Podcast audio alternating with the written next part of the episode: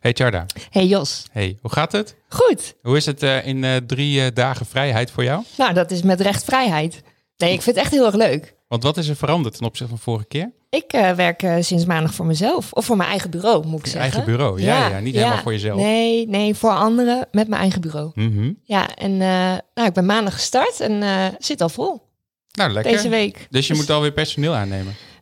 ja, dat, dat wordt de volgende stap. Maar goed, het gaat ook wel heel hard hoor. Ik dacht, ik begin heel, uh, heel rustig, maar dat was er niet bij. Nee, zo gaat dat nooit. Hè? Ja. Als je dingen goed kan, dan heb je het vaak al, uh, al vrij snel heel druk volgens mij. Ja, dus ik, ik mag absoluut niet klagen hoor. En uh, moet even mijn website in elkaar zetten, maar dat wordt voor me gedaan op dit moment. Dus Oké, okay, heel goed. En ga je nog kaartjes maken of niet? Nou, ik zag dat je dat in de outline had gezet, maar wat, de, wie heeft er nog kaartjes? Nou, ik, ik niet. Ik ook niet. Mark? Nee? Ja, ik, heb ze, ik heb ze in een doosje liggen, denk ik, ergens in een laadje. Gewoon Oh, ja. als uh, nagedachtenis aan uh, dat je ooit met kaartjes op. Uh... Ik, er zou een kans zijn dat ik ze zelfs bij me heb. Ik denk dat dat nog zo is. Meen je? Ja. Hey, Mark, welkom. Dank je. Leuk dat je aan tafel zit. Die ga je zo meteen even introduceren. We hebben nog een gast aan tafel. Uh, Marie jo, uh, José Bondhuis. Ja, dat is nu al moeilijk, hè? Dat is een hele moeilijke. Ja, met een streepje en, en, en ook nog zo'n uh, accent.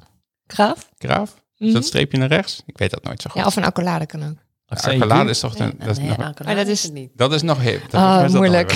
nog maar goed, eh, welkom. Eh, we, gaan, we gaan even de introductie starten. En, eh, en dan, eh, dan gaan we het zo hebben over ons eh, indrukwekkende onderwerp. Namelijk over eh encrypted chat apps. Ja, maar wacht even. Je Wacht. slaat één ding over. Ja, heb jij nog kaartjes, uh, Marie-José? Nou, Oh, ja. Die ook? daar heb ik wel over nagedacht. Ehm, wij eh, zijn een paar jaar geleden van label veranderd. Ehm, en Dat vond ik inderdaad terug. ja, ja. toch? Ja, Dat is dan helemaal goed gegaan. En wij hebben, ja, ik ben wel met jullie eens wie heet ze nog. Ik heb geloof ik 500 besteld en ik heb er nog 495 over, geloof ik. ja, maar als je minder dan 500 koopt, dan is het Dan ook wordt het duurder, heel toch? duur, ja, Ja, precies. dat, ja. Maar ze zijn eh, transparant, omdat ik als privacyjurist eh, eh, vooral heel transparant wil zijn. Dus dat vond ik toch wel heel grappig. Dus ik krijg heel veel goede opmerkingen over als ik hem Die uitdeel. vijf uitgegeven kaartjes. Precies, ja, die zijn echt heel erg blij en excited ermee. Ja. Je hebt ook wel nu zo'n digitaal visitekaartje. Hè? Dat je wel een kaartje hebt, maar als je hem dan scant, dan krijg je al je socials. Die krijgt iemand met- meteen op zijn telefoon. Ja, Met, met zo'n NFC, eh, Ja. NFC-chip. Ja. En dat Dat is wel hadden hip. we vroeger toch ook met van die grappige bijtjes en allemaal beestjes en zo. Dan moest je hem tegen elkaar aanhouden en dan had je mekaars gegevens. Dat is ook Ja, wel- klopt, ja. Die hebben Heeft het niet gehad. gered volgens mij. Nee, want dat Het is ook is- niet zo heel praktisch. Overigens een accent aigu. Dat we Hey. even weten. even- Heb je de even intro eh, factchecker. Doe die intro. Oké, we gaan beginnen. Oh, dat is het verkeerde.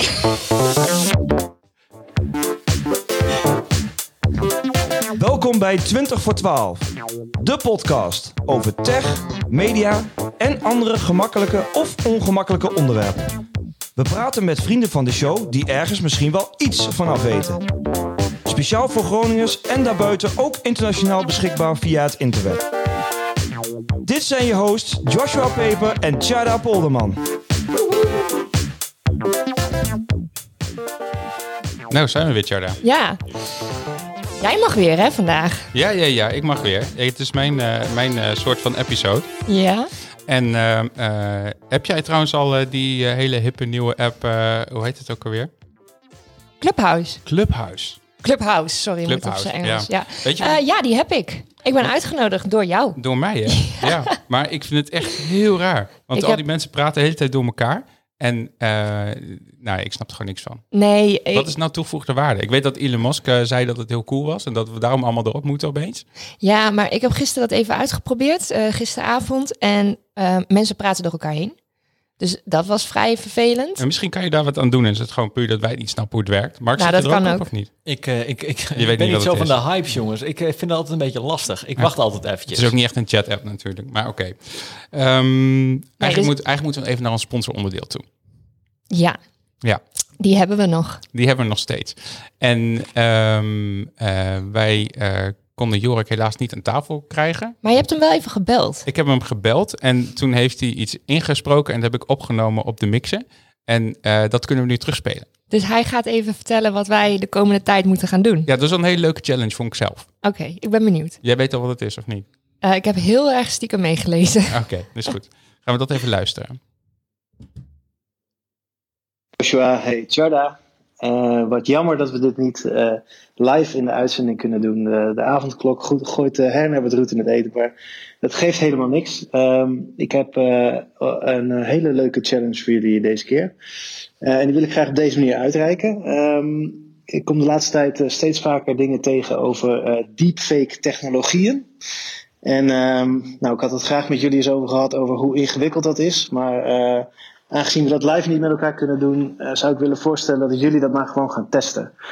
Uh, dus wat ik graag zou um, uh, als, als challenge zou willen uitdelen is: maak van jezelf met behulp van deepfake technologie een video waar je eigenlijk niet in zit. En dan ben ik heel benieuwd naar de uitkomst. Succes jongens, fijne uitzending. Hoi hoi. Oké. Dus dat gaan we doen. Wij gaan, gaan onszelf deepfaken. We gaan onszelf deepfaken. Hoe makkelijk is dat?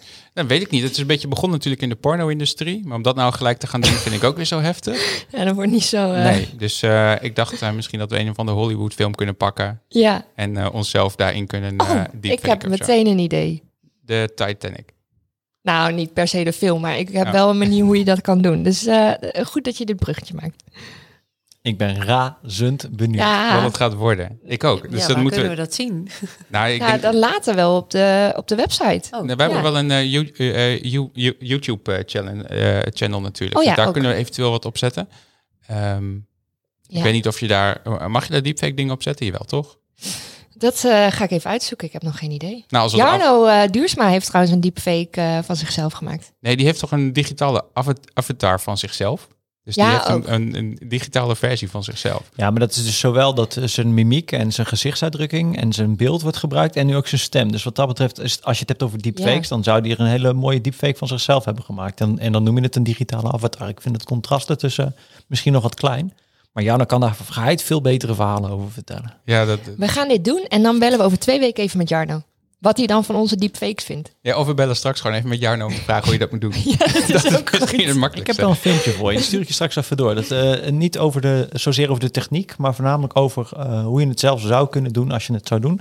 Waar de persoon in kwestie wel zei, ik ga je de tools er niet bij delen, want dat vond ze dan weer te veel aanzetten tot. Mag ik die dan ook? Want anders staat Joshua met 1-0 voor. Ik, uh, jullie vechten dit straks maar met elkaar uit. Okay. Ik ben omkoopbaar. Ja, is goed om Echt? te weten. Nice. Oké, okay, um, dus dat is de challenge voor dit keer. Dus ik ben benieuwd of Ja. het gaat lukken. Ik denk het wel. Deze Meestal- moet wel lukken. Dit ligt wel een beetje in ons De straatje. meeste technische challenges komen we wel uit. Dat Behalve die ene waar je brandwonden van kreeg. Nou, op zich hebben we die wel uitgevoerd. Dan kreeg ik brandwonden van. Dat was een beetje jammer. Oké, ehm, dan gaan we even over naar de introductie van de gasten. Dan beginnen we met jou, ehm, Marie-José Bondhuis. Jij komt uit Barneveld. Waar heb je dat vandaan? Ja, kijk hier. Ik kan wel, ik kan wel iets onderzoeken. Dit is mij niet jouw- waar trouwens. Oh. Is niet, niet waar? Nee, ik denk dat je, dat je mijn alter ego eh, te pakken hebt. Nee, nou, dat- nee, ik vond jouw middelbare school. En toen ging ik googlen waar die was. En toen dacht ik, nou, er zijn er twee. En eentje, eh, weet ik niet meer waar die was. En die andere was in Barneveld. Toen dacht ik, nou, dat zal hem wel zijn. Ja? Associeer je mij eh, met Barneveld? Nee, helemaal niet. Dus ik dacht van, nou, die is, dat is een, eh, jij eh, komt origineel niet uit Groningen. En je bent hier naartoe verhuisd, dan denk ik. Dat wat, was dat, mijn theorie. Dat is wel zo, ja. Dat er staat ook zo. wel een vraagteken achter uit Barneveld. Dus ja, Ja, ik, het was niet helemaal 100% Nee. zeker. Dus het was een, maar waar, waar kom je dan wel vandaan? Ja, ik ben opgegroeid in Annapolona. Dat is eh, in de kop van Noord-Holland. Ja, en mijn middelbare school stond precies in Den Helder. Den Helder. Dus misschien was dat je andere optie, ik weet het niet. Ja, volgens mij wel. Ja, hè? zou ik Ja. ook zeggen. Ja, nee, maar het was inderdaad ergens in Noord-Holland. Dat weet ik nog wel. Ja. Ehm, je bent een eh, eh, IT-jurist. klopt. Jij bent ook verbonden aan de universiteit. Ja.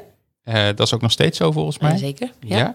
Ja. Eh, It's Privacy kon ik vinden over jou, maar dat is denk ik dan gerebrand naar eh, Privacy One. Ja, ook Privacy. First of Privacy Nee, 1. Privacy One. Privacy One, ja. Ehm, je hebt eh, eh, onder andere een hacking escape room. Ja. ja. Wat moeten we daar ons bij voorstellen? Nou, dat is meteen al een leuke vraag. Ehm, ik kwam, dat heeft ook wel wat te maken met de naam. Ik kwam namelijk een aantal jaren geleden ehm Jobert Abma van HackerOne tegen. En die Ja. heeft een heel mooi, een mooie visie, vind ik, dat ehm, ze meer een soort community willen zijn. Hè, dat, eh, daar werkt hij ook in, hè, een Ja, community zij zijn van het hackers. bug, bug, bounty, eh, bug bounty platform. hè? Precies, ja. Ja. En dus dan kun je eh, kwetsbaarheden die als een soort challenge, zeg maar, eh, ehm, een bedrijf proberen te hacken en ze helpen om die kwetsbaarheden te, op te lossen. Ja, niet alleen te helpen, je kunt er ook best wel wat euro's aan Als overhouden. je de eerste bent die het fixt wel, ja. Ja. Anders is heel veel werk voor niks geweest. Ja. eh. En ik eh, raakte al een tijdje geleden met hem aan de klets. En toen eh, zei hij van... eigenlijk is het heel jammer dat jij als privacyjurist... en wij als ethisch hacker... eh, eigenlijk zo, twee van zulke verschillende werelden zijn. Dus kunnen we dat niet gaan verenigen? En toen dacht ik, hé, dat is eigenlijk wel een heel goed idee. Ehm, vandaar dat ik ook even... Hè, zij zijn Hacker One met O en E. Ik dacht, ik doe het niet helemaal na... Uh, maar ik ga wel een beetje in dat straatje uh, mee. En uh, ja, zodoende zijn we ook gaan kijken... waar kunnen we nou eigenlijk die kruisbestuiving pakken... Um, nou, en een van de eerste dingen die ik heb gemaakt is: het is altijd heel erg moeilijk uit te leggen vanuit privacy-oogpunt om mensen te leren dat ze hun scherm af moeten sluiten, dat je de deur achter je kont moet, dicht moet doen, dat je. er stond hier trouwens net een laptop van ene Mark Vletter met het scherm open, ingelogd, ja, alles ja, erop nou, en eraan. Kijk, daar ga Ja, dus en. Ik heb er een foto En het van. grappige is, caffeine stond aan. Dat is mijn toeltje waarmee ik dat dus kan unlocken. En uh, normaliter ging hij dus inderdaad na één minuut op, uh, op lok. Want wat gebeurt er bij ons op het moment dat je hem unlock laat, unlock laat staan? Dan moet je dus pizza, moet je dus, of uh, Nou, taart taart, tracteren. toch? Dat Ja, dat ik hadden niet wij bij. Peperzaak ook Dus altijd. dit, ja. uh, dit gaat mij gewoon taart kosten Ja. de volgende keer dat ik hier ben. Dus Ja. bij deze. Lijkt me goed. Wat doe je over twee weken? Nee, nee, nee, zo Oké, werkt het niet. Nee, Maar goed, eh, ver, ver, eh, vertel verder. Ja, dus het is altijd heel vervelend. Hè? En dan moet je weer pizza en eh, taart gaan bestellen, wat wij helemaal niet vervelend vinden. Maar en maken was bij ons altijd de regel. Je Oh, moet dat- echt maken. dat is nog veel Uh, beter. nee, nee, nee, nee. Uh, Ko- kopen mag ook? Kopen is prima. Terwijl het eigenlijk veel toffer is om je eh, nou, gewoon wat meer te verplaatsen in, eh, in eh, de modus operandi van de hacker. is veel leuker. Hè? De bad guy uithangen is eigenlijk veel leuker. Dus toen zijn wij eh, eh, met een paar hackers eh, en een escape room bouwer uit mijn netwerk... zijn we gewoon eens eh, pizza gaan eten. En kijken of we daar een escape room van eh, konden maken. En dat bleek eigenlijk eh, vrij snel goed te lukken, zeg maar. Hè? Dus Gaaf. ja, Leuk. we hebben een storyline Moeten we dat ook een keer doen, Charlie? Ja, absoluut. Ik vind dit nu al helemaal geweldig. Altijd welkom. Ja.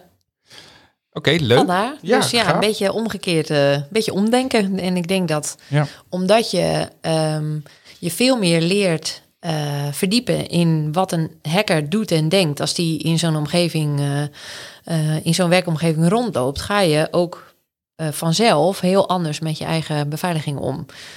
Ehm, Ja, dat denk ik ook wel. Ja. En dat hebben Ja. we nog laten onderzoeken door Alexander Impact. En dat is ook gewoon aangetoond. Dus dat is, was echt heel, heel gaaf. En zijn jullie de, de enige die dit doen? Of zijn er heel, heel, heel erg veel van tegenwoordig? Nou, valt wel mee. Er zijn wel privacy escape rooms, maar die gaan dan echt uit van eh, je komt er pas uit als alles klopt. Eh, en bij ons. Ja, dan eh, moet je dicht timmeren. En bij jullie is het juist van, het is al dicht getimmerd, maar je moet je het stuk maken. Ja, Ja, ja, Ja. ja. niet letterlijk natuurlijk, maar bij wijze van. Nee, oké, nee, snap ik. Ja. Oké, leuk. En Ja. ehm, eh, je bent ook auteur van eh 50 misverstanden over de AVG. Daar Ja, gaan we het vandaag niet over deel 1. hebben. Deel 1 van de. Nou, van de 10 misschien wel. Ja. Ja, we zijn maar bij 50 gestopt, want eh, Dat is wel een mooi getal. het is een prachtig getal. Ja. Ja, maar Er dat, is dat- veel ik had meer er wel te 100 vertellen. kunnen ja. Ik wou, Ja. er is zoveel wat niet klopt. Nee. Ehm, Oké, en eh, eh, jij was ook de gast bij RTL Z bij de Grote Privacy Show. ja, ook Daar wel had ik ook gevonden over jou. top. Zijn er verder nog dingen die je wilt toevoegen hierover? Aan, aan het lijstje van dingen die. Dit is wat ik zeg maar even makkelijk kon vinden op het internet. Of makkelijk, ik kon het vinden op internet. Nou ja, voor eh, mensen en je hebt die... geen eh, Facebook volgens mij. Daar kon ik je niet zo snel op, Nee. eh, op vinden. Dus Nee. dat is dat, bij ons is dat een enorme bron van, Vast van ook info. Bewust, al- alles ik? uithalen. Ik krijg al duimpjes Ja. van Mark, dus Ja. daar doe ik het voor. Ja. nee, misschien wel leuk als je ehm, reclame voor een podcast in de podcast. Ik weet niet hoe verantwoord het is, maar we hebben dus Nou, dat mag zeker. We, Oh, krijgen, we doen ook wel even een linkje naar jouw Ja, hoor. podcast. Ja, Ja, zeker. Privacy Hack heet die. En eh, die kunnen we vinden op Spotify en eh, Ja. Apple Podcasts Ja. en eh, al, die de platformen. kanaal. Ja, Ja. Werkt dat toch mooi, hè? cool hè? Oké, dan gaan we even naar Mark. Mark, je bent hier voor de derde keer. Kijk. De eerste keer dat je hier was, ging het over digital well, well-being. En de tweede keer ging het over de Tesla's. Auto's, yes. En eh, nu gaat het over eh, encrypted eh, chat apps en wat we daar allemaal van vinden. Ja, dit is het meest mijn, eh, mijn natuurlijke straatje. Maar welke, vond je- welke vind je het leuk? Maar dat wordt Ja, dus dit- waarschijnlijk wel... eh, Nee, dit is wel het onderdeel wat het dichtst bij mijn werk Ja. en aan mijn hart eh, gaat. Ja, dat idee had, had ik ook wel. Dus daarom hadden we jou ook een beetje erbij gevraagd. en ehm, jij bent eh, de founder van eh, Voice en eh, ook spin-off daarvan Spindle en eh 48%. Ja, stichting. Ja. Eh, je bent een holocratisch, holocratisch ondernemer.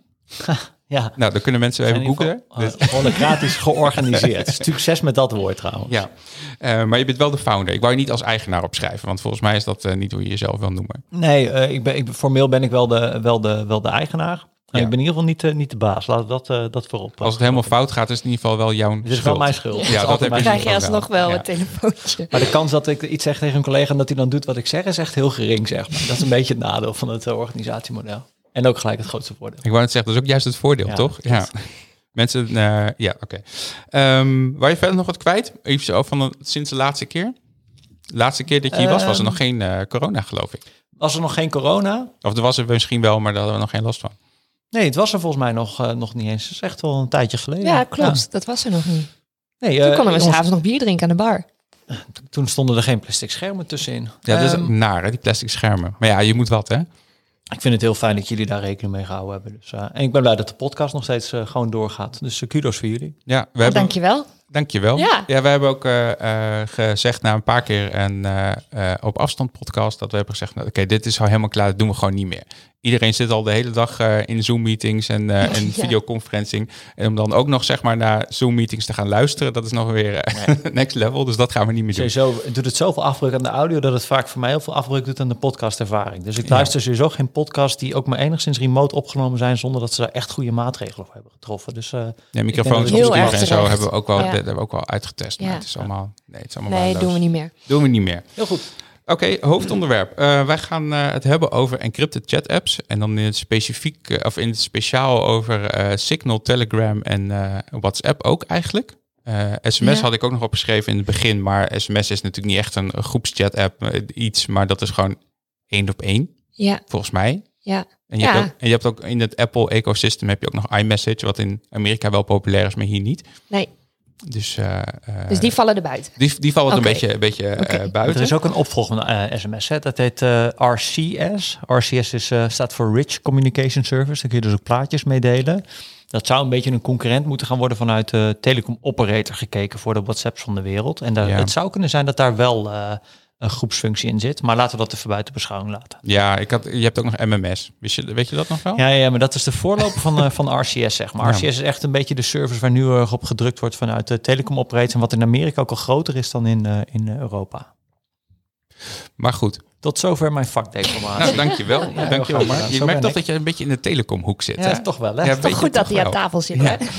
hè? Ehm, de, de vraag die, die bij mij een beetje opkwam was... ehm, eh, is het nou een vloek of een zegen? Dat het allemaal afgeschermd is en anoniem en, eh, en enzovoort... en dat die groepen zo groot kunnen worden of, eh, of, of niet? Ehm, er zijn ook genoeg voor, voor, voorbeelden dat er behoorlijk eh, mis, misbruik wordt gemaakt... van dit soort chatplatformen. Eh, Bijvoorbeeld, we hebben in Amerika gezien dat het kapitool aangevallen is... eh, door wat eh relschoppers eh, onder leiding van eh, de voormalige Amerikaanse president. Ja. En ehm, eh, Heel veel misinformatie. In, eh, in India zie je dat vooral. Dat er echt, echt op een massaal mm, gewoon nepnieuws wordt gedeeld via dit soort platformen met grote, grote schadelijke gevolgen. dat is ook hier hoor. Ik krijg af en toe van eh, wat eh, Je schoonmoeder. mensen berichtjes doorgestuurd over van eh, dit en dit moet je niet doen. Want Oh, eh, ja. dat is, nee, ik denk echt van, dit is echt Mijn bullshit. ouders zijn daar ook goed in hoor. Ja, dus dat is echt, nou, dat, dat soort misinformatie Ja. inderdaad, dat komt dus best wel veel voor op, eh, op dat soort platformen. Ja. Goed, dat was vroeger met e-mail ook zo, hè? Kreeg je ook van die achtelijke e-mail dingen. Die moest je dan tien keer doorsturen, anders kreeg je Ja, een maar de virus. snelheid waarmee dit gaat is wel even anders dan hoe we dat met... eh, met, eh, met En hoe gemakkelijk mensen er ja. natuurlijk ook mee, mee omgaan, hè? Oh ja, ik stuur het maar door, want het zal vast wel kloppen. Tenminste, dat, dat is dus wat mijn ouders doen. Die zijn eh, eh, nou, boven de 60. Ja, meestal be- Ja. bel ik mijn moeder op. Zo van, Ja, eh, dit ik is niet dit- echt zo hoor. nee, dit, is, dit moet je niet je niet iedereen doorsturen de hele tijd. dit is echt onzin. Ja. Dus wat volgens ge- mij stuurt ze het nou naar allemaal andere mensen wel door, maar niet meer naar mij. Dus Ik denk dat dat nu... eh, de beste oplossing. Maar Jos, jij noemt net al die apps, hè? Welke Ja. gebruik jij? eh, ja, ik weet ik het gebruik wel, maar- alles natuurlijk. Hè? Dus Ja. ik gebruik eh, Telegram, want daar zit ook onze, Ja. eh, onze groepschat in eh, voor, Mhm. eh, voor de podcast. eh, met alle schaduwredacteuren die daarbij horen. Ja, Ehm, ik gebruik Signal eigenlijk eh, het meeste. Ook, Ja. Daar communiceren wij ook mee, eh Charda. ja zeker. Eh, en ik met Mark trouwens ook. Ehm, en ik gebruik, eh, eh, even denken, WhatsApp Ja. natuurlijk ook wel heel veel, omdat eigenlijk iedereen op WhatsApp zit. Ehm, en per ongeluk stuur ik wel eens een iMessage. Ja, Per ongeluk. Ja, oké. ja, dan druk je op zo'n knopje en dan eh, komt er zo'n bubbel. En dan typ je daarin en denk je, oh hey, ik heb een iMessage verstuurd in plaats van een eh, WhatsApp berichtje. En jij dan? Nou ja, eigenlijk een beetje hetzelfde verhaal als wat jij hebt. Dus Signal voorlopig, of Ja. in het algemeen. Telegram omdat onze redactie erop zit. Of onze vrienden van de show. WhatsApp eigenlijk dus voor familie en zo, want die gaan nog niet zo makkelijk over. En ja, dan houdt het eigenlijk wel een beetje op. En, en, en ja, de Marie José, ben ik ook wel benieuwd naar. Ehm, ja, ik zit vooral op WhatsApp. Ja. Ja. ja. Signal is wel heel erg gestegen, toch, in populariteit? Ik zit er al heel lang op. Ehm, ik heb eerst een tijdje Telegram gebruikt en daarna Signal. En Maar gisteren was jij weer op Telegram. ja, ik, ik- om, vanwege deze podcast. Ik had daar geen Ah. account meer. Dus ik dacht van, ik ga even, even kijken of... eh, eh, ik moest een aantal dingen checken. Ik moest Ja. even weten of ze nu al een... ehm, ik verwacht namelijk dat Telegram op een gegeven moment komt met een eh, manier om discovery te doen. Dus dat je appgroepen Oh. kunt ontdekken in Telegram. Ja, want zij hebben die enorm grote groep. Hè? Ja, Dat- 200.000 ja. eh, eh, eh, leden van een groep. En daar zetten zij ook wel fors op in. Daar zit een enorm risico aan. Want alles wat je voor goed kunt gebruiken, kun je ook voor fout gebruiken. En dat zie je Ja. in Telegram natuurlijk heel sterk. Maar goed, ik denk dat ik nu een jaar of vijf op Signal zit. En in Zo lang al? Ja, in eerste instantie met Ivanka. Want dan wist ik zeker dat als Ivanka berichtte dat het geseparate was van, eh, van WhatsApp. En langzaam kwamen er steeds meer mensen op die ik ook allemaal als ze komen. Dan zeg ik altijd, oh wat leuk dat je er bent. Daar ben ik Ja. afgelopen Welkom. weken mee gestopt. Dat is Oh. echt niet meer te doen, Dat is te veel. Dat is veel te veel. Ja. Ik heb, ik heb de account, ik zag jou toevallig vandaag eh oppoppen. Telegram, Dus ik denk, hé, hey, dat is, eh, dat is Ja. toeval. Nou, dat is Maar- geen toeval dus. Nee, precies. Dat leren we dan vandaag. En wat ik ideaal van WhatsApp vind, is die webfunctie. Hè, dus dat Ja. je gewoon eh, op je computer ehm, documenten kan aanklikken en ze meteen. eh, Ja. Ja. Kan Maar die heeft. Signal ook wel, toch? Tenminste, je kunt die ook Ja, wel downloaden. ja, Ja, volgens mij is het niet een webclient, maar het is Nee, gewoon je zo'n moet zo'n het soort appje. Ja, Ja. desktop installer. En eh, Ja. WhatsApp is eh, nog op dit moment echt direct gekoppeld aan je mobiele telefoon. Die moet online zijn, wil dat eh, kunnen. In de nieuwe beta Signal van dat WhatsApp. trouwens niet. Met Signal hoeft dat niet. En in de beta van WhatsApp hoeft dat ook niet meer. Wat ook weer impact gaat hebben op de encryptie. Dus dat is wel interessant. WhatsApp duurt ook heel lang als die opstaat. Of eh, Signal, duurt, de client duurt heel lang als die opstaat. Want die moet alle berichten die erin staan, moet hij eerst decrypten. Dus daar is hij, hij is rustig eh, een minuut aan het opstarten om al die berichten te downloaden en daarna te En te decrypten. synken. En met je Ja. telefoon ook wel. Dus ik weet niet of hij dat met de telefoon doet. Signal doet het volgens mij op een andere manier. Maar dat durf ik je niet met zekerheid te Maar zeggen. waarom ben je vijf jaar geleden dan... Was dat puur inderdaad dat privacy stuk dat Ja. je dacht, ik ga Signal gebruiken? Ja, in eerste instantie Telegram. Maar Ja. Telegram was niet encrypted by default. En Signal was dat wel. En Signal was ook een stichting die daar eh, eh, de scepter zwaaide. En eh, open source. En eh, ja, groot fan van open source communicatieproducten. Dus eh, toen daarmee gestart. En wat je eigenlijk gewoon ziet is dat de app die het meest wordt gebruikt... is gewoon de app die mensen top of mind hebben. En als je in één zo'n app-ecosysteem zit... is het best wel lastig om over te schakelen. Maar langzaam kwamen de eerste groepjes die stapten over. En eh, eh, nu ook steeds meer. Ik heb echt steeds meer mensen die ook bij WhatsApp zeggen... standaard berichtjes sturen van... joh, ik zit nu op Signal, bericht me daar maar. Dus eh, je ziet nu echt wel een kentering. En die is de afgelopen week inderdaad in een stroomversnelling gekomen. Ja, interessant om te zien. Ja, ja dat is, dat- Massagedrag veranderen is best wel lastig namelijk. maar eh, jij, jij zit er dus niet op. Nee.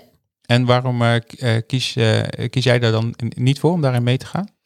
Nou, sowieso niet eh, om die hijza van de afgelopen tijd. Want eh, ik heb daar een post over geschreven.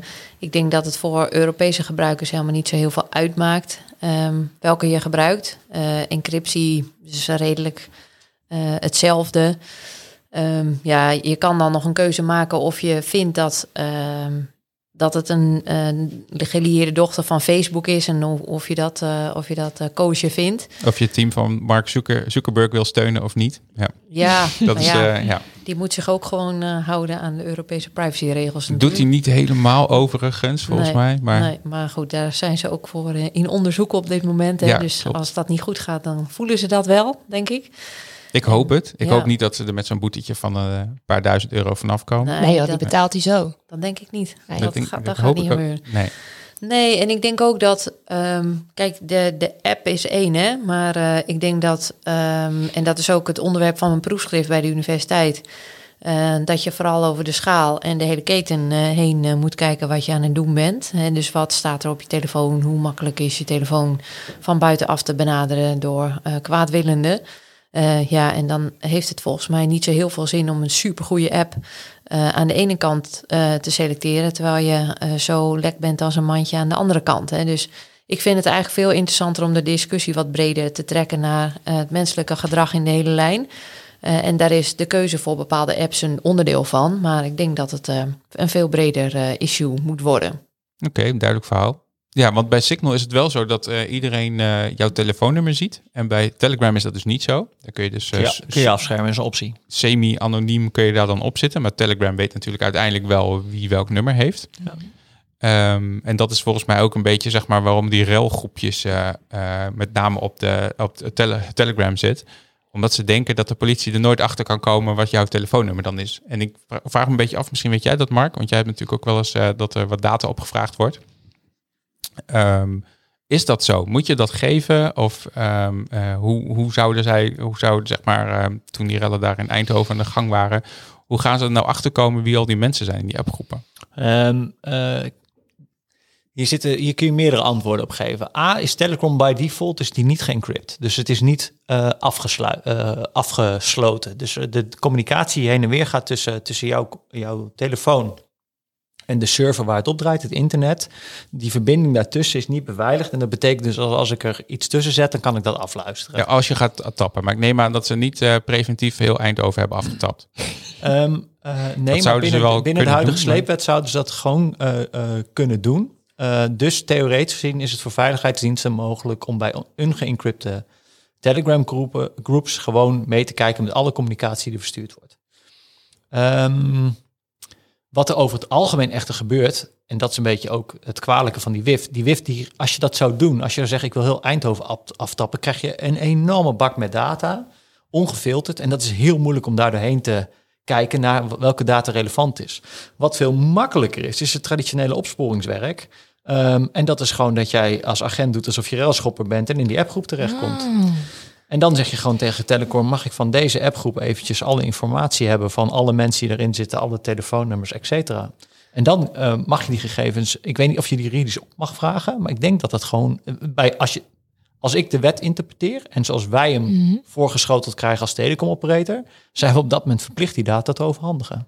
En hoe zit het bij Amerikaanse partijen? Nou, Weet je dat? Misschien nog even reageren. Ik denk dat we wel even een onderscheid moeten maken wat je dan over de lijn stuurt. Hè. Dat, dat zijn volgens mij de metagegevens. Hè. Wie heeft wanneer, hoe lang met wie gecommuniceerd. Uh, ik denk dat die inhoudelijke gegevens wel geëncrypt zijn over het algemeen. Ook nee, niet? Nee, nou, standaard je, je niet. Je moet dat aanzetten. Ja, ja okay. aan uitzetten. Maar by default, ja. Telegram by default is niet geëncrypt. Dat klopt. Uh, ja. En uh, op het moment dat je, maar op het moment dat je dat aanzet, kun je zowel de inhoud niet meer bekijken. Alleen nog maar wie op welk moment Precies. een berichtje heeft gestuurd. En dan krijg je een metadata. Is dat. Ja, en dat doet WhatsApp natuurlijk al automatisch. Hetzelfde dus, verhaal. Ja, dus dat... Uh, ja, en uh, WhatsApp gebruikt ongeveer hetzelfde protocol als Signal. Voor de encryptie. Ja, ja. dat werkt ongeveer zo. Ja. Maar zo'n groep uh, wissen op last van de politie, dat mag niet. Um, daar, daar zou je heel erg sterk over in discussie kunnen gaan. De Ja. grondwet stelt je in staat om uh, um, um, uh, deze vormen van opruiing aan te, aan te pakken. Ehm, de algemene voorwaarden van Telegram stellen ook eisen aan uh, hoe je de app mag gebruiken. Ja. Nu Ehm, wel, ja. Nu wel. En het, eh, dit noem je deplatformen. Mensen van Ja. een platform afgooien. Deplatforming is een hele bekende strategie om onder andere fake news tegen te gaan en mensen aan te pakken die op de verkeerde manier dit soort tools inzetten. Zoals Twitter Trump eraf, eh, Trump heeft eraf heeft gegooid, geknikkerd. ja. Ja. Na, na, nadat eh, de democraten de meerderheid hadden in het... eh, En nadat ze huis. 2 miljard Ja. hadden verdiend aan het feit dat die man op. Twitter heeft gezeten. Dus Ja. laten we dat even wel Ja. in de context zetten waarin het een beetje hoort. Ik vond het Mhm. niet heel stoer dat ze hem Nee. toen uiteindelijk Nee, eraf ja. getrapt Nee, en hebben. dat daarna nou, alle dat je- techbedrijven dus vrolijk achteraan renden was een Ja. gênante samenkomst van omstandigheden. Mhm. Maar eh, laat, we- hier moeten we niet kijken naar Amerika. Maar die platformen als Mhm. technologie Ja. of als strategie om eh, eigenlijk fake news te bestrijden, maar ook eh, dit soort massacommunicatiekanalen enigszins in het gerei te houden, gezond te houden, uh, is er zeker een, een, een manier om, uh, om dat in te zetten. Ja. Oké. Maar goed, we hebben dus wel een enorme toeloop gehad in, uh, in die Telegram groepen. Waarvan 60% op de, waar de encryptie niet van aanstond. Dus waar ja. inderdaad iedereen gewoon, als je dat ging aftappen, mee zou kunnen kijken. Nou is mobiele data aftappen helemaal niet zo heel makkelijk. Dus ik verwacht als je, als je in een hele grote groep mensen staat, je kan niet zomaar een 3, 3 uh, G-verbinding af, aftappen terwijl je daar staat en even meelezen met de berichtjes. Uh, nee, maar, maar je, je kan wel makkelijk doen is, in die groep komen natuurlijk. Nee, maar dat niet alleen. Kijk, Telegram communiceert met standaard computers. En die standaard computers heeft een bepaald adres. En ik kan gewoon als ik internetprovider ben, of als ik, zal maar zeggen, een, een tab plaats en ik uh, zeg vervolgens, ik wil graag van alle internetproviders het verkeer vanaf deze adres hebben, deze IP-adressen. Mm-hmm. Dan kan ik gewoon alle Telegram-verkeer in Nederland uitluisteren. En binnen de huidige wet zouden ze dat nog mogen doen ook. Ja, maar dat is, uh, dan moet je dat wel real, real-time doen, hè? Je ja. kan het niet achteraf nog eens een keer, zeg maar, allemaal Nee, maar gaan, uh... wat, ze, wat ze doen is ze slaan het ongefilterd op en ze mogen daarna filtering toepassen. En ook op de bewaartermijn van die ongefilterde data zitten bijna geen palen en perken. Die wet is ontzettend privacy slecht ingericht. Daar kunnen we heel kort over zijn. Dat vindt zelfs de Raad van State. Dus Volgens mij was, het was, uh, waren wij dat allemaal wel over eens. Ja, daar, ja, dus dat, discussie daar was heel Nederland het over eens. Die stemde ja. ook tegen die wet, maar volgens werd daar niks mee gedaan. Nee. Raadverlegend referendum. Ja. Was er, oh ja, we hebben ook nog een referendum over gehad. Ja. Eerst raadpleging, daar zeiden alle organisaties in Nederland, meer dan 500 raadplegingen volgens mij ingediend. Die zeiden van dit moet je gewoon niet doen op alle politieke niveaus, op alle technische niveaus. En volgens uh, gewoon lekker, lekker wel doen. En toen deed het lekker wel. Maar hebben ze en dan alles wat toen is aangekondigd als daar gaat het op stuk, ja. is ook werkelijk daar op stuk gegaan. Er is geen enkel punt tot nu toe waarvan we zeiden van tevoren dat is niet handig, waarvan het op dit moment niet stuk is gegaan. Maar goed, hebben ze die hele sleepnet-wetgeving, uh, hebben ze die toegepast op, de, op, uh, op deze uh, um, op deze chatgroepen? Weet je dat? Ik, dat weet ik niet. Nee, Voor zover op dit moment bekend hebben ze dat niet gedaan. Nee, het is gewoon ouderwets rechercheurswerk waarbij je gewoon zorgt dat je undercover in die appgroepen terechtkomt. Oh. Uh, en als een uh, RTL-journalist dat kan, dan kan de politie dat. Hoop ik ook. Dat, ja. dat hoop ik ook, ja. maar nou, ik weet het nog niet. En dat is ook wel, dat, dat heb ik ook nog wel even uitgevogeld. Dat is ook veel effectiever. Um, dat, dat is ook wel onderzocht, hè, dat uh, in het kader van terrorisme je heel veel bevoegdheden hebt om van allerlei data op te vangen. Maar het valt eigenlijk vies tegen wat je daar eigenlijk aan, uh, aan uh, echte vangsten uithaalt. Dus ik denk dat wat Mark ook zegt, um, dat echt dat gewoon dat, dat, dat echte rechercheurswerk, dat is veel, veel slimmer om te doen. Ja, dat je gewoon infiltreert in die appgroepen. Nou, bijvoorbeeld. Of um, echt gewoon uh, veel gerichter uh, telefoons gaat opvragen. Die bijvoorbeeld in de, uh, lang in de buurt van een mast zijn geweest op een plek waar rellen zijn uitgebroken. Dat is volgens mij veel slimmer om te doen, te doen dan zo'n hele sleepnet daarop los te laten. Ja, en bijna elke simkaart is, en telefoon is terug te traceren tot een persoon. Ja. Begreep ik? In Nederland wel. ja. ja.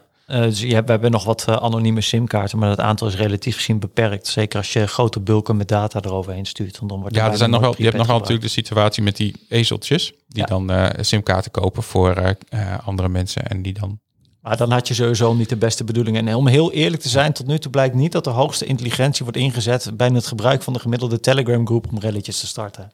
Als ik nee, want dat is ook een beetje het punt. Dus um, 60% van die groepen hadden dus die, uh, en, die en, en uh, cryptie niet aanstaan. Van die, van die groepen waar ze dan die relletjes in gaan doen. Ik denk dat is echt heel dom. Ja. En dan heeft de helft ook nog zijn telefoonnummer delen aanstaan. Ja. Ik denk dat het dan, ja, het zijn natuurlijk niet de meest snuggere lui die dat soort dingen doen. Nou, gelukkig maar toch? Gelukkig maar, ja. ja. Maar er zijn natuurlijk best wel uh, situaties waarin uh, er wel wat slimmere mensen zijn die. Uh, Weet je wat het grootste probleem is? Zitten. Alle wetgeving die wij maken om, om dit soort problematiek aan te passen, gaat ervan uit dat we er toegang tot moeten hebben, et cetera. Terwijl de mensen hier echt kwade bedoelingen bij hebben, exact weten hoe ze nooit gepakt gaan worden. Ja. Want die gebruiken nou telefoons die compleet encrypted zijn, mm. eigen appjes die compleet encrypted zijn. Daar ga je gewoon nooit bij komen. Dus dit soort uh, apps worden niet gebruikt door criminelen. Dit soort apps worden niet gebruikt door terroristen. Dit soort apps worden gebruikt door jongetjes die het niet eens zijn met een, uh, met een uh, avondklok. nou, dat niet eens volgens mij. Ja, in dit geval, eh, eh, ja, nee, maar la- ik, Ja. ik denk dat die woede ergens, ergens wel met onvrede te maken heeft en met onmacht te maken heeft. Ik vind niet dat je dit zomaar moet wegzetten als jongetjes die een avondjes wilden gaan rellen. Ik denk dat er onvrede is waar je naar moet luisteren. Ik, en ik vind het, zou het ook ignorant vinden om te zeggen van ja, maar dit zijn gewoon een paar rellende jongetjes. Zo simpel is het niet. De frustratie binnen deze leeftijdscategorie en de onmacht binnen deze leeftijdscategorie en ook de impact van gedwongen insluiting, gewoon van een tijdsbestek. Dat je met ze op, opsluit. Wat, eh, de- Ja, wat een avondklok in wezen natuurlijk doet, is ik snap heel goed dat dat vrijheid beperkend is en dat dat heel, heel beangstigend voelt. En dat mensen die de frustratie dus eh, eh, kwijt willen. En je, je bent een stuk perspectief kwijt. Hè? Ik denk dat daar, eh, dat daar ook gewoon een hoop eh, verveling uit voorkomt, Ja. eh rellerigheid. Hey, we weten ook niet precies waar we nog over een tijdje allemaal nog in, eh, in terecht gaan komen. Hè? Eh, Ja, we zijn in onderwijsachterstanden. eh, 2033 klaar met vaccineren, als we zo doorgaan. Ja, precies. Heb je dat helemaal uitgezocht, Jos? Of is Nou. dit gewoon een gok? Nee, Dan zijn ik we heb het letterlijk even uitgezocht. Als het op dit tempo doorgaat, Ja. Ja, en dan zijn we economisch ook niet helemaal Nee. gezond meer, volgens mij. Dus Nee. ik denk dat dat... eh, dat is natuurlijk met die minderheidsgroepen sowieso, denk ik, wel, eh, wel een ding. Hè, als je dat aan het perspectief gaat komen, wat natuurlijk al nou, een beetje wankel was, dan, eh, dan is dit misschien wel een genadeslag geweest. Dus dat, kan ik me inderdaad wel ook wel wat bij voorstellen. ik kan me wel voorstellen dat je gaat demonstreren, maar dat je een Nee. auto van ProRail in de fik moet steken, dat, Absoluut dat is allemaal niet Nee, per se nee, maar nodig. ik denk wel dat op het moment dat je er rondloopt en de frustratie is groot, dat de, dat de, dat de drempelwaarde hiervoor verlaagd wordt. Eh, ehm, eh, ik wil het absoluut niet goed praten, ik ben het er absoluut niet mee eens, maar gewoon zeggen van het zijn domme rellende jongetjes, dat vind ik, zou ik heel jammer vinden Mhm. Voor de frustratie erachter schuil gaat, waar je volgens mij heel goed naar moet luisteren. Het is nog Maar- wel een leuk onderwerp voor een eh, psychologischer onderwerp, eh, toch? Of niet? Ja, ja, zeker. Ja. Dat hebben we ook wel eens gehad trouwens. Ja. Oh, wij gaan nog zoveel seizoenen maken. Ja. maar Mark, jij noemt het net ook al. ehm, ehm, het feit dat, ehm, dat er wel in die, die apps wordt gekeken. Dat het niet de terroristen zijn, niet de criminelen, niet, het, niet de, de, de grote... Die ga je nooit pakken met deze wetgeving. Nee. Maar waarom? Wa- wat? Ja. Hoe kan dat dan dat er zeg maar zo'n erg extreme focus is op dat going dark noemen ja, ze jij dat dan? kopt dat hem die, helemaal in, dat Jos. die inlichtingendiensten Mhm. die willen per se bij al die, al die sms-berichtjes van ons komen. Ja. Of, of, eh, of WhatsApp-berichtjes. Waarom moet dat dan per se? Ehm, eh, Zijn zij, zijn zij zo, zo, zo dom? Nee, nee, de politiek is zo dom. Ja, dat klinkt heel lullig, eh, maar het is gewoon echt gebrek aan kennis van eh, eh, de werkelijkheid. En Het is naarmate... denk ik ook... Ja, Het is denk ik ook gewoon onbegrip in wat voor een samenleving je terecht bent gekomen. Ik weet nog, ehm, ik heb meegewerkt in 2012 en er is echt bedroevend weinig veranderd. Aan een rapport, die kan ik echt iedereen aanraden, dat heet e-overheid. Eh, van de Wetenschappelijke Raad voor het Regeringsbeleid. Eh, en die heeft toen al aangekondigd dat wij eh, als overheid absoluut geen grip hebben over onze informatie. Ehm, het is nog steeds zo als je er fout ergens in komt, ehm, eh, er ook gewoon bijna onmogelijk nog op een fatsoenlijke, goede manier weer uitkomt. Hè? Dus ik denk dat dat een probleem is wat acht jaar geleden onderzocht is, dat we dat nog steeds hebben. Het tweede is wat ik in mijn proefschrift ook al onderzoek, is dat we op de een of andere manier nog een overtuiging hebben dat eh, we het antwoord vinden in de hooiberg. Hè? Dus eh, sleep die hele hooiberg aan data maar naar binnen. Eh, en dan hebben we in ieder geval alle informatie en dan kunnen we de terrorist pakken. Nou, dat is nog nooit gelukt. Hè? Ieder project wat op die normen is gestoeld, dat heeft nog nooit de eindstreep gehaald. En, dus dat, dat, dat ga je gewoon niet voor elkaar krijgen. Alleen er is ook gewoon nog geen fatsoenlijk alternatief. Ik, denk dat ik hem inmiddels wel, eh, wel aan de horizon eh, zie verschijnen. Maar dat betekent dat je wel fundamenteel anders eh, naar je hele gegevenshuishouding moet kijken. Hè? En dat vanaf een, een vroeg stadium moet gaan ontwerpen. Wat ik nu vooral zie, ook probleem nummer drie. Ik heb het bij een opdrachtgever vanmorgen weer gezien. Die komt in de krant. Er is ergens een incident geweest. Er is iemand neergestoken door een asielzoeker. Eh, en hop, eh, daar, gaat, daar gaan we weer. Hè. Er moet meer informatie van de IND en het COA naar de gemeente. Ja, ik vind dat niet de oplossing. Je moet kijken ehm, naar incidenten als incidenten, hoe erg en, eh, en, en schrijnend dat ook soms kan zijn. Maar niet alles is op te lossen met meer informatie te vergaren. hè. Ik denk dat je niet meer gegevens moet gaan rondpompen. Je moet het beter gaan doen. En dat begint ook met een stuk ontwerp en een stuk grip. En een goed fundament. En we noemen dat uh, uh, vanaf 2018 heel mooi privacy by design. Ik ben daar een enorm voorstander van. Hè? Dus ga niet, net als de GGD deed, um, en waar we als overheid heel goed in zijn, aan het einde nog eens even een keer snel een DPI'tje loslaten om te kijken of het wel beveiligingstechnisch is. Maar zet die juristen gewoon aan het begin daarbij aan tafel en ontwerp het gewoon fatsoenlijk. Um, en dan heb je misschien wel helemaal niet zo heel veel nodig. Maar wat jij nu doet, je raakt net de essentie. Dank je. Wat er gebeurt politiek is dat wij regeren niet op nieuw, maar we reageren op nieuws. En nieuws is altijd de uitzondering van wat er normaal gebeurt. Ja. Die rellen zijn nieuws, maar dat is niet de standaard. Nee. 99% van de mensen zit op dit moment thuis. Dat is nieuw. Hebben we nog nooit eerder gedaan. En wat doet de politiek op het moment dat er nieuws is? Die reageren erop en die komen met meer regeltjes en nooit met... jongens, dit kan af en toe gebeuren. Dit hebben we niet goed gedaan en we gaan het op een andere manier doen. En wat je daarin steeds eigenlijk ziet, is dat er een soort... dat men doorschiet van vertrouwen naar controle. Ja. En die staan op de andere kant van dezelfde munt. En als jij tegen het politiek kunt zeggen van ja, er zijn terroristen, maar we hebben achterdeurtjes in apps gebouwd, dan scoor je punten. Terwijl als je politiek zegt, ja, er was een terroristische aanslag en we zagen het niet aankomen, want onze veiligheidsdiensten die, eh, die zitten niet goed op te letten en die zijn niet goed geïnfiltreerd in die groepen. Ja, dan raak je Ja. de werkelijkheid van het punt. Maar ja, daar kun je op dat moment niks meer aan doen. Maar dus het is, zichtbare dus, actie eh, op nieuws in plaats van opnieuw. Ja. Het nieuw is dat we historisch nog nooit zo weinig terroristische aanslagen hebben gehad. Maar we doen alsof de hele wereld in de fik staat. Dat is ja, we hebben ook wel iets te veel nieuwsmedia, heb ik het eh, idee af en toe. Dat Hier is, raak eh, je, ja. dat is het tweede deel. En Heel de meeste simpel. mensen deugen is dit, hè Mark? Ja. Eh, Nee, maar- Oh, dat boek van, Ja. Maar heel simpel. Boek. Wat nieuw, ook wat nieuw is, is dat wij allemaal kunnen publiceren. Publiceren is historisch altijd van de elite geweest. En over het algemeen de rijke elite of de intellectuele elite. Lezen was niet eens mogelijk voor de gemiddelde mens. En nog Dat- best wel grote groepen trouwens hoor. Kun je ook wel een keer een aflevering over maken, maar oké.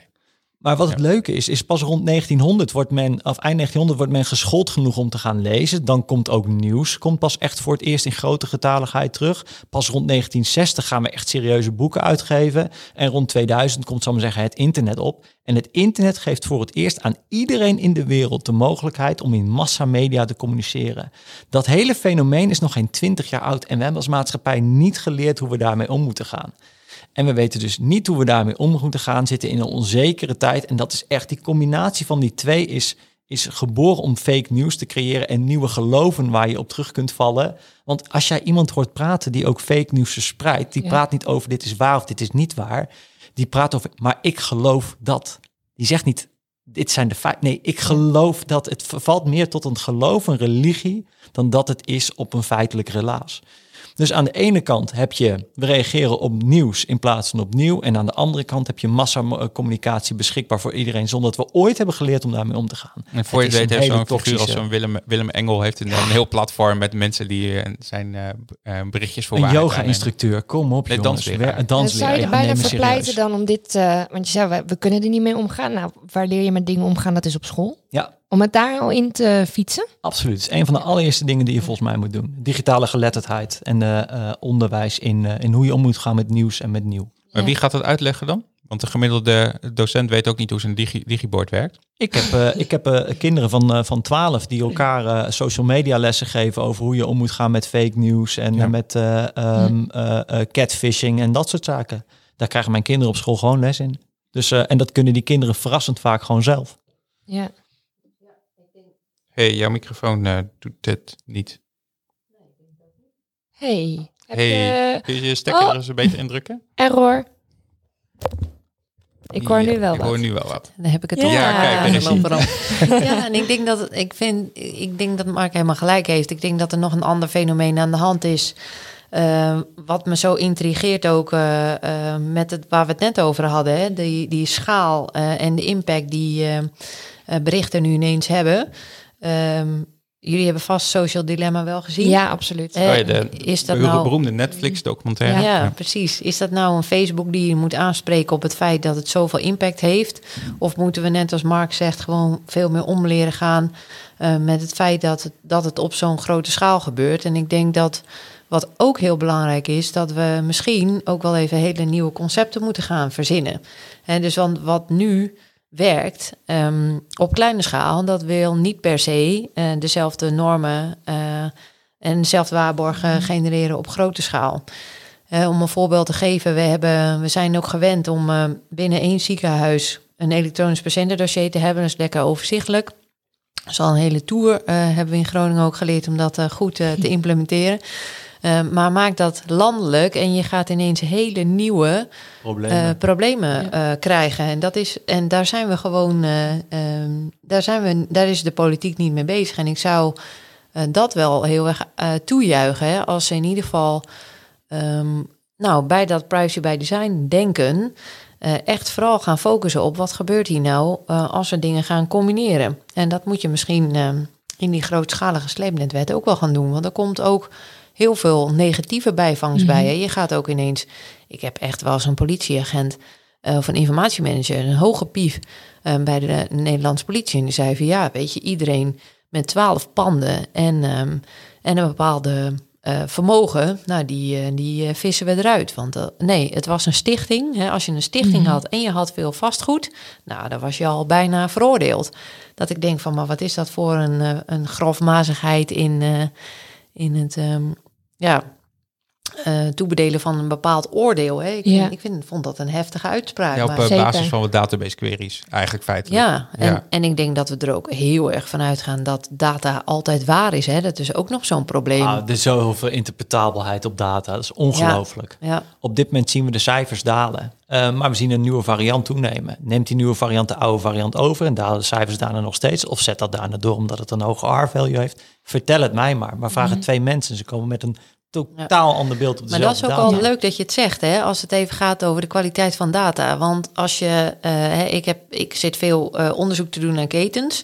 Ik vind het heel fascinerend dat wij ehm, bedenken dat we een virus onder controle hebben door het aantal eh, opnames in de gezondheidszorg. Dat zijn volgens mij twee totaal verschillende categorieën. Je, je leert dat virus niet beter kennen door de staatjes van de opnames in de ziekenhuizen daarnaast te leggen. Dat Maar- is echt En, eh, een totaal mij, andere ja, context. maar is het niet zo dat we juist proberen, zeg maar, eh, de, eh, eh, dat de ziekenhuizen niet helemaal vol komen te liggen? Dat, dat is volgens mij de Ja, maar dan heb, je een, dan heb je een ander probleem. Wij, volgens mij wordt het verkocht. We proberen dat virus onder de duim te krijgen. Ehm, maar dan moet je ook gewoon transparant zijn en zeggen... we willen eigenlijk die zorg niet overbelasten. Wat ik ook een heel goed idee vind. Maar dat is een ander eh, probleem... wat je in de maatschappij aan het oplossen bent dan... Maar dan vraag jij politiek, en dat vraag je eigenlijk ook over het stukje data en over het stukje eh, van deze messaging apps. Dan vraag je politiek een stukje visie en strategie. Ja. En dat zijn nou net twee dingen waar ik eh, het, het beleid de afgelopen tien jaar nog Nee. nooit op heb kunnen betrappen. zelfs het afgelopen jaar niet ehm, heeft het beleid al helemaal niet eh, gezeten op het terugdringen van het virus, volgens mij, maar meer om eh, te kijken hoe we die zorgen eh, ontlasten. Ja, misschien, hè, wij zien natuurlijk ook niet altijd alles, maar Nee, maar even heel simpel. Ehm, je weet, eh, ehm, eh, eh, eh, bepaalde voorspellende factoren kun je bepalen. Je weet als er een virus komt, dat je daar een vaccinatie eh, eh, voor moet ontwikkelen. En als die vaccins er zijn, dat je dan moet gaan inenten. Dan kom je niet op het moment dat die virussen op Schiphol staan erachter, oh kut, die moeten we ook gaan uitdelen. Laten we daar eens even een plan voor maken. Nee, je had zes maanden daarvoor geen appje moeten gaan maken om te kijken of je Ja. gecontroleerd moet worden. Je had Ja. een appje moeten gaan maken Nou, om te nog- kijken of je gevaccineerd eh, eh, Maar was. dat is, Ik maar we wel- wel even terug naar, het- naar het onderwerp. Ja, ja, dan maar dit gaat even visie als je- wat Nee, maar dit, dit is wel een beetje, dit gaat ook een beetje, raakt, raakt wel een beetje hetzelfde. Want ook eh, die hele vaccinatiestrategie hebben we niet op orde. We hebben de data bij de, GG, GG, G- bij de GGD's niet op orde. Daar zetten ze gewoon alle deuren maar waag- wagenwijd open, omdat het makkelijk is. Ehm, en eh, ik heb het idee, zeg maar, dat met die sleepnetten en de, de regelgeving die ze over die apps willen doen, om ook dan maar gewoon te zeggen van, weet je, dan slaan we die data ook allemaal op en dan lossen we het later wel op. Ja. In plaats van aan, aan, aan de voorkant even kijken van eh, wat willen we nou eigenlijk? Waar willen we nou naartoe? En hoe gaan we dat nou oplossen? Maar dat klinkt wel vrij logisch om, om, dat, om daar wel even mee bezig te zijn. Maar toch maar doen wat ze dat heel erg ontbreekt, ook bij de appmakers zelf. Je kunt ervan uitgaan dat als technologie een bepaalde mogelijkheid heeft, dat die gebruikt gaat worden. Of dat nou ten goede of ten kwade is, dat gaat gebruikt worden. Ik zeg niet dat te- technologie daarin geen kant heeft. Ik denk dat dat altijd een bepaalde intentie met zich brengt, maar het gaat gebruikt worden. Ehm, er zijn ehm, bewegingen waarin er wordt gezegd, je moet nadenken over wat de impact van iets is wat je doet over zeven generaties. En het seven generation thinking vind ik wel heel mooi, omdat het je doet beseffen wat de lange termijn consequenties gaan zijn van bepaalde acties die je nu onderneemt. En ik vind dat we dat wel eens wat dieper mogen embedden in onze maatschappij in zijn totaliteit. En dus ook in dit soort appjes. Wat betekent het als ik een miljoen mensen in een appgroep stop? Wat voor impact heeft dat? En voordat je dan dus de limieten naar 200.000 gooit, joh, wat betekent dat? Moet ik er dan curatie op toepassen? Moet ik het dan kunnen reporten als er iets wordt gedeeld wat niet echt is? Moet ik dan daarop kunnen ingrijpen? Want al dat soort zaken hebben impact op je design van je applicatie en dus ook op je privacy by design. Maar dit kan je, van, dit kan je van een overheid wel vragen, maar zo, zolang de funding van die start-ups werkt zoals dat het werkt, gaat dat natuurlijk heel, heel anders. Is het gewoon meer van hoe maak ik mijn platform zo snel, zo groot mogelijk? Ja, Want maar dat is het hele concept van surveillance capitalism waar we nu in terecht gekomen zijn. Ik durf al te stellen dat surveillance capitalism niet goed werkt en dood is en dat we daar een alternatief voor moeten hebben. En dan mag je best wel eens als appmaker ook wat langer nadenken over wat je aan het doen bent. En dat doen we echt veel te weinig. Ik heb het voor het eerst gehoord toen Snowden op een gegeven moment um, uh, zijn openbaringen deed. Dat het toen voor het eerst was dat ze daar bij Google voorzichtig is mee begonnen. Of dat ze bij, op South by Southwest was. Toen uh, was er voor het eerst een talk over in ze echt hadden over wat nou de lange termijn consequenties van bepaalde acties waren. Um, ook in bio-industrie, wat het daar bijvoorbeeld betekent dat je niet op um, koolstof menselijke bouwsteentjes, maar op siliconen, uh, niet-menselijke bouwsteentjes experimenteert. Omdat op koolstof een experimentje wat fout gaat nog wel eens wat maatschappelijke impact zou kunnen hebben, zeg maar. Nou, dat soort keuzes, dan denk je er eens goed over na voordat je aan het, uh, aan het crisperen gaat, zeg maar. Mm -hmm. En soms moet je gewoon, denk ik ook, specialismes die niet zo voor de hand liggen uh, aanschakelen, vind ik ook altijd nog wel een leuke. Hè? De, het probleem wordt nooit opgelost door degene die het veroorzaakt heeft, zeggen ze ook altijd. Hè? Dus ehm, ik denk dat hele holistische kijken en soms ook gewoon even een beetje omdenken, dat zou ook nog wel, uh, wel mooi zijn. Ja, de multidisciplinairheid is super relevant daarin. Ja. Zijn we het eens, dus, de, dus er is vreselijk dus dit. Hebben wij ook is nog. ook gewoon dus niks aan de hand met die WhatsApp en die end-to-end encryptie en Signal. Eigenlijk maakt het niet zo heel veel uit. Dat is ook wel prima dat dat er is en Telegram ook wel. Uh, het gaat erom, zeg maar, dat uh, er is veel te veel focus op dat dat die sleepnetten hun werk moeten kunnen doen. Terwijl het ouderwets inf infiltreren eigenlijk veel makkelijker is en beter werkt. Dat sowieso. En je zou daarbij ook wel kunnen zeggen dat je vanuit een Telegram en vanuit een Signal echt wel. Ik zou een manier moeten hebben om een groep aan te geven. Wat hier gebeurt is niet correct. Ik zou een manier moeten hebben om volgens bij opsporingsinstanties dat dat opvraagbaar is. Het is geen vrijbrief, je encryptie om maar alles te kunnen doen en alles te kunnen zeggen. De Nederlandse grondwet heeft dat heel goed verankerd, wat er wel en wat er niet mag en wat je in ieder geval van een overheid mag verwachten. De algemene voorwaarden van die apps leggen verrassend vaak een verlengsel van uh, die grondwet vast in hun algemene voorwaarden over hoe de kijk mag zijn op de wereld. En je kunt dus niet zomaar aanzetten tot opruiing in een appje en denken dat dat oké is. Of mensen bedreigen in een appje en duizend euro op, de, op een kop van een politieagent zetten, zonder dat je denkt dat het consequenties heeft. En ik denk dat het snel, snelrecht dat de afgelopen tijd ook wel even heeft laten zien. Ja, maar denk je dan niet, want ik vind op zich een charmante gedachte, maar dat je dan een beetje um, klikgedrag krijgt in die groepen. Um, ik zou het naberschap willen noemen. Gewoon fatsoenlijke buren zijn. Ja, maar goed, dan is het natuurlijk de grens wel heel, kan heel onduidelijk worden. Het voorbeeld wat je net schetst, dat lijkt me evident. Maar waar, ligt, waar ligt dan nog het fatsoensnorm? Hè? Wat, wat, wat de een prettig vindt in een groep, vindt de ander misschien wel heel vervelend. Ik, ik denk dat het toch ook wel goed is om na te denken over wat voor voorwaarden en kaders je gewoon met elkaar wil afspreken. Zeker. In plaats van dat je elkaar gaat verklikken. Um, want ik denk ook, hè, ik heb van, uh, vanmiddag nog training gegeven, dat ook een essentie van uh, het recht op gegevensbescherming is dat je ook gewoon jezelf kan zijn. En, en, en sommige mensen houden er gewoon hele bizarre hobby's op na. En, en ja, daar kunnen wij wat van vinden. Dan kunnen we niet uh, een nalwerschap opplakken misschien. Maar ja, uit solidariteitsoverwegingen moet je misschien He, toch wel een bepaalde bandbreedte ja, toestaan. Totdat het strafbaar is. Ja, Zo dat, simpel is het ook. Maar wat, wat Opruiming is gewoon strafbaar. Ja. Maar wat doe je dan? Kijk, stel je hebt een hele groep op tele, tele, Telegram die met allemaal naties. Ik neem niet aan dat één natie gaat zeggen van... hey, yo, deze, deze mensen zijn allemaal natie. Die ga ik nu aangeven. Nee, maar het is wel zo dat, uh, dat uh, er op een moment mensen in die appgroep kunnen komen... die zeggen van wat hier gebruikt, dat, uh, dat klopt niet. En dit, dus meld ik dat. En zeker Ja, op het moment en- dat het aanzet tot geweld, is een van die, van die traditionele voorbeelden waarin je kunt zeggen op het moment dat dat gebeurt, dan mag je daar wat van verwachten. Maar, Maar je zit eigenlijk op het, op het recht van vrije meningsuiting, hè? al vrij, Ja, eh, vrij snel. snel. En eh, ik weet niet of we dat, of we dat op zo'n eh, laag niveau van individuen onderling eh, moeten gaan oplossen. Hè. Dat, kan, eh, dat kan een idee zijn. Ik denk als je het hebt over eh, sexting bijvoorbeeld, hè, dat vond ik ook wel een hele mooie. Daar heb ik vorig jaar wel, eh, wel eh, een mooie voorstelling over gezien van de Steeg. En die hebben onderzoek gedaan en zeiden van eigenlijk is er maar één strafbare. Dat is niet degene die het filmpje heeft gemaakt. Dat is ook niet degene die erop staat, maar degene die hem doorstuurt. En dus ik denk dat, het een, dat ik dat wel een hele mooie vond. ehm, om ook een verantwoordelijkheid te leggen bij, eh, hè, ook al ben je niet dader of slachtoffer, maar ook degene eh, die ervoor kiest om, eh, om dit groter te maken. En dan, Mhm. da, da, ik denk dat dat een, ook een hele goede is om eh, jongeren veel meer bewust van te maken. Hè? Dat je ook een verantwoordelijkheid hebt in het verspreiden van dit soort flauwekul. Ja. We kunnen binnenkort wel even met een start-up gaan kletsen hierover. Justine. Ja, dat kunnen we wel even doen. Ja, Ja, Die, die, eh, zijn eh, er druk mee bezig. zijn daar heel druk mee bezig. Vind ik wel een mooi, eh, mooi vervolg. Ehm, maar ik heb nog wel een vraag. Want, want Mark, jij noemt dat net van, nou, je zou dat eigenlijk zo'n functie hebben binnen zo'n app om, om dat aan te geven. Mhm. Maar die functies zijn er niet. Dat zou de, het platform zelf dan de- erin moeten zetten. Ja. Signal heeft bijvoorbeeld gezegd, of die schuiven eigenlijk een beetje alles voor zich uit. Tot het punt dat ze eh, bijvoorbeeld op terroristisch vlak terechtkomen en hun app daarvoor wordt gebruikt. Dan pas willen ze gaan acteren. Ja.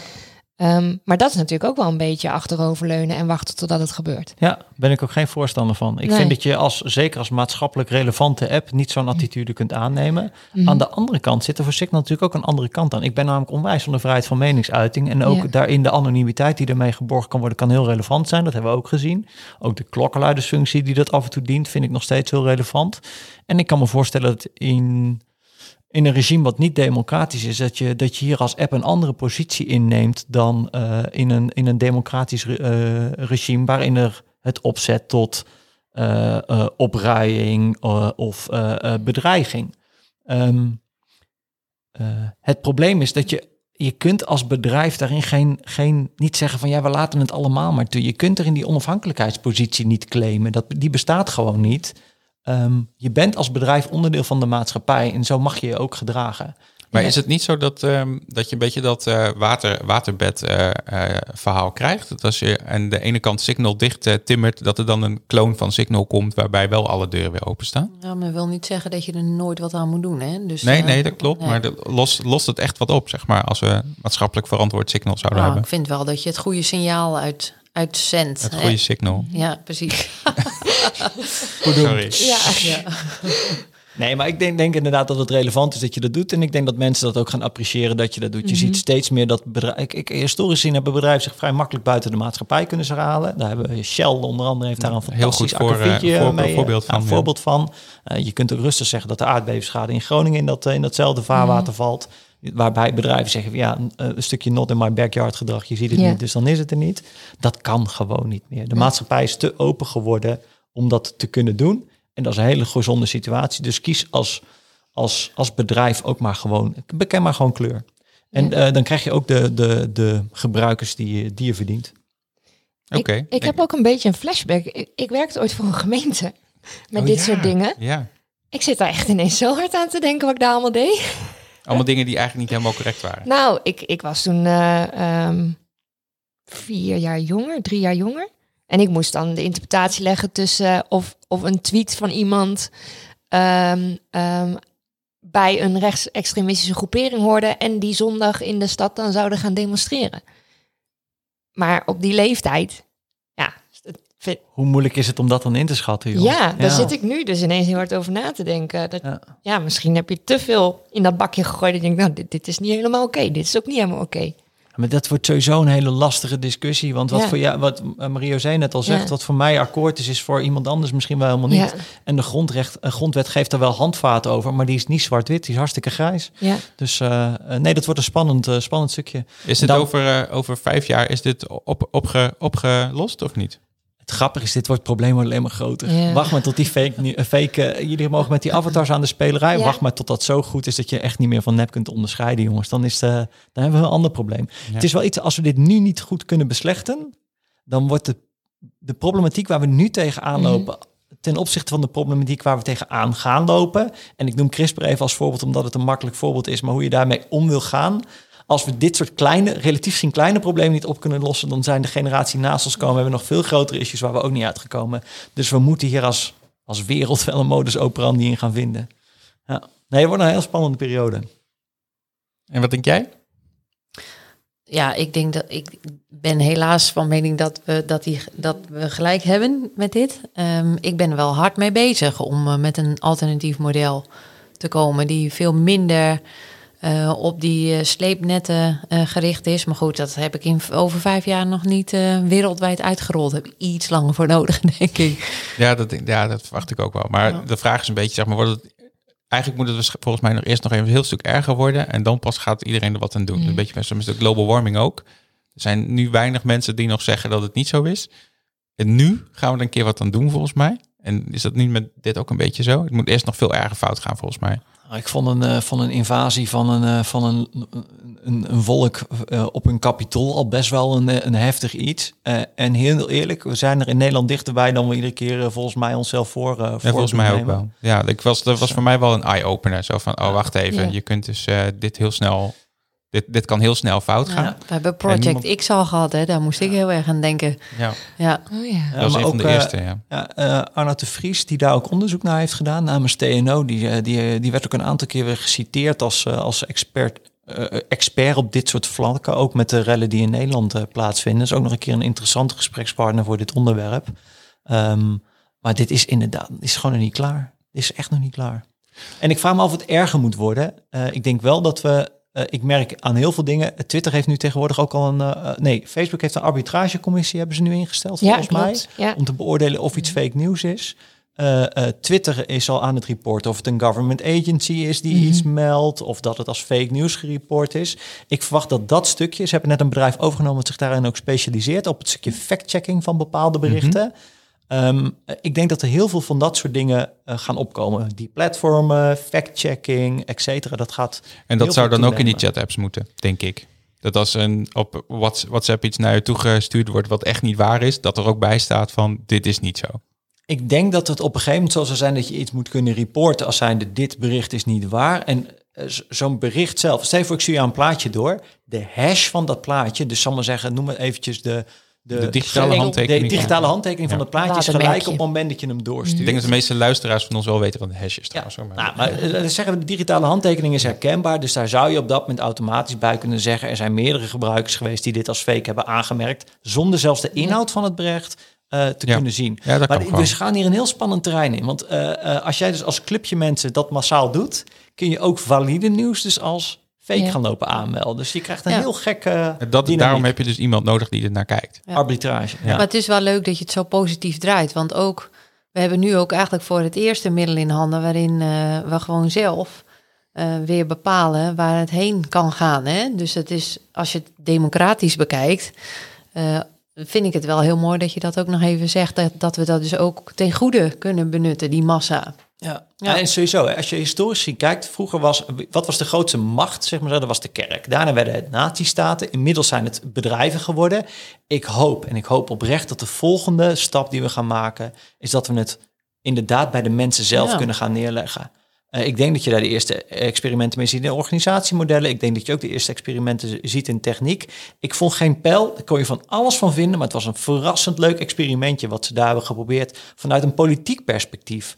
Eh, jammer dat dat niet gelukt is, want het was gewoon echt een leuk experiment Ja, maar komt, er komt nog wel een keer Ja. zoiets, denk ik. Ja. Ja. Maar gaan we zeggen, power to the people, dat, dat ouderwetse adagium, dat, eh, Ja. daar komen we wel langzamerhand dichterbij. Het is toch fijn om zo eh, af te Ja, ronden. Beetje- ja, dat ik wel mooi. Mooi, ja, mooi vooruitblik. Ja, dan is een ook signal dus wel interessanter dan een commercieel bedrijf als een, als een Facebook, wat zo'n Ja. de, de, de toegang tot Ja, de ook keten een beetje bepaalt. power to the people hè, met zijn open source. Ja. Ja. Okay, eh, mensen, betalen voor die app. 2,50 per maand, doe maar eventjes. We gaan eh, even naar onze column luisteren en dan sluiten we hem af. Want oh eh, we zitten alweer over onze, onze tijd heen. Gaan we zo hard? Ja, we gaan zo hard. Oh. Ja, dus we gaan even naar Wilbert luisteren. Die heeft een heel verhaal over geld, geloof ik. Ja. Kapitalisme. Hoi, ik ben Wilbert. Misschien ken je het wel. Kapitalisme. Ik denk dat het tijd is voor iets nieuws. En dan zeg jij: Ja, maar het is toch schitterend dat iedereen gelijke kansen heeft? Wie goed boert, goed ontmoet. Wat een onzin. Geld is een machtsmiddel in onze maatschappij. Met veel geld maak je meer geld. En de spelregels zijn er niet naar om het allemaal een beetje eerlijker te maken. Dus krijg je valspelers of mensen die legaal gebruik maken van de lacunes van het systeem. En ga je die mensen dan bevechten met hun eigen wapens, dan is het weer niet goed. Redditors gingen de strijd aan met zogenaamde shortsellers, waardoor de aandelen van GameStop stegen van 3 dollar naar 325 dollar. De grootste verrassing was vervolgens dat het hedgefund, dat normaal vooral op zoveel mogelijk en zo snel mogelijk winst zit, nu opeens vond dat er wetgeving moest komen en ethische toetsing. Iets waar ze voor zichzelf nooit om zouden hebben gevraagd. En dat laat volgens mij iets zien. Het kapitalisme gaat om het ik. Hoe kan ik, en misschien ook een beetje mijn eigen groepje, zich verrijken? Terwijl we iets anders nodig hebben. We moeten kijken hoe we elkaar verder kunnen helpen. Hoe we de groep groter maken en meer verbonden, want daar ontstaat ethiek en samen profiteren. Niet in je eentje de wereld maakbaar, maar met een grote groep doen, waardoor het houdbaar wordt. Fuck de money mindset, weg met het kapitalisme. Voor nu een fijne, hopelijk vrijwel geldloze week gewenst.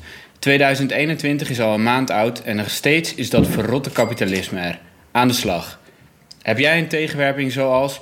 Ja, maar jij reist eerste klas, dat zag ik op je Instagram. Of... Ik heb net een duurzame tas knollen gekocht voor mijn kapitalistische geld. Stuur me dan een bericht op Twitter. Ik heet er @ikwilpret. Nou, ook een beetje power to the people volgens mij. ja, mooi verhaal met die eh, game, GameStop aandelen. Geweldig. Ja, ik vind het Ja. echt heel grappig dat zo'n Ja. hedge fund dan boos wordt. Mhm. Van, yo, yo, dat mag dan ineens weer niet. Ja, maar zo'n bedrijf met elkaar kapot maken, dat vonden we wel allemaal... eh, ja. Ja ook ik- weer power to the people. Ja, dat is echt zeker. een heel mooi voorbeeld Ja. hiervan. En eh, heel eerlijk, ik heb me kostelijk vermaakt om het, eh, om het naaien van het grootkapitaal. In alle Ik vond het Ja. zo grappig hoe die hedge funds boos werden. Ik vond Mhm. het echt hilarisch. Ik dacht Ja. van, nou, wat is de volgende die we gaan doen? ja. Ja. En aan de andere kant zat er, zit er, zat er in die GameStop aandelenkoperij zit er hetzelfde als Bitcoin, wat door dezelfde jonge generatie wordt gebruikt om datzelfde geld te verdienen. Dus er zit een, eh, een, een tegengesteldheid in dit bericht waar je u tegen zegt. Maar ik vond het ook heel grappig. Dus, ja, eh, ik ook. En laten we dat alsjeblieft, dat hele short cellen, dat moet er gewoon, dat moeten we toch gewoon mee kappen, joh. Ik Dat vind het niet ja, maar bizar dat het hoe dan? Dat dat kan. Ja, nou, dat is ook een leuke film over, The Big Short. Die moet ik ook even kijken. Ga die maar eens kijken. Ja. Dan denk je echt, dit is echt ziek hoe dit werkt. Maar oké, Ehm, we gaan afsluiten, Jarda. Ja, Ehm dankjewel voor het luisteren. Dankjewel gasten dat jullie aan tafel waren. wel. Heel, Graag gedaan. heel Leuk. erg dankjewel. Ehm we, we verkopen ook merchandise, moet ik even nog vertellen. steeds hè? Nog steeds, Ja, ja. nog steeds Truien, mondkapjes, stickers voor 1 euro in de bonus. En die kan je vinden op 20 voor 12.nl slash shop. Ehm, je kan ons volgen op eh, Instagram en op eh, Twitter en op LinkedIn. Maar dat plaatsen we niet zo heel vaak wat eigenlijk. Misschien nu wat vaker, nu ook eh, commerciële podcasts voor anderen maken. Ja, dat, ja, dat gaan we zo. Gaan we nog een keer gaan we nog een keertje vertellen. Ja. Maar goed, we hebben ook wat meer tijd nu, hè? Dus we, kunnen wat meer doen. Dus dat scheelt. Weet je waar we het de volgende keer over gaan hebben? Ehm, Nee, hè? Jawel, want eh, Wat? ik heb per ongeluk de volgende aflevering al een beetje eh, een gast geboekt. Hè? Ja, Hebben we een dubbele boeking? dat denk ik misschien wel. Maar we gaan het, dat gaan we zo wel even uitvogelen. Oké. Maar wat denk jij dat het volgende onderwerp is? Nou, ik heb ook al wat. De EDR-regio. ja. Met het bedrijf Tap Online. Mhm. En ehm, zij eh, zochten Duitse partners. En daar is een mentorschapprogramma over. Of voor. Ja. En eh, nou, dat is best een ingewikkeld verhaal. En dat doen we met Founded in Groningen weer. Leuk. Ja, Ben je benieuwd? ja. Want Wat ga jij doen dan? We hebben ook nog eh, verkiezingen over een, eh, een Ah, dikke Dat maand. klopt. En we zouden daar ook nog met wat eh, Mhm. politieke mensen gaan praten. Zo van, eh, Ga als je je politiek doen in de podcast, jongen? We gaan politiek doen, dus we gaan het, eh, het heilige huisje gaan we Ja. breken. Ehm, dus ehm, eh, ik was wel benieuwd, zeg maar, hoe zij in onze eh, technologische samenleving, hoe ze daar een beetje tegenaan kijken en wat de oplossingen zijn. Dus eh, Nou, ik heb we hebben net wel een paar genoeg mooi- materiaal nu. mooie vragen gesteld, volgens Ja, mij. we, we laten ze ook ja. gewoon even deze podcast terugluisteren. Ja, lijkt me ja, goed. of we nemen Mm. eh, na deze eh, aflevering nog even wat soundbites op en dan eh, kun je een vraag stellen aan iemand en dan eh, gaan we dat even instarten en dan mag je antwoord geven. Cool. Ehm, maar goed, dus we hebben, eh, maar volgens mij de gast die ik heb, die kon niet op woensdag. Dus we Oh, kunnen ook nog zeggen dus we van doen, eh, eh, een we ander doen- dagje. Ja, dat is prima. Ja, Ach joh. Dat is mooi. Hè? Dat wij gewoon tijdens de podcast overleg, overleg. eh, Ja.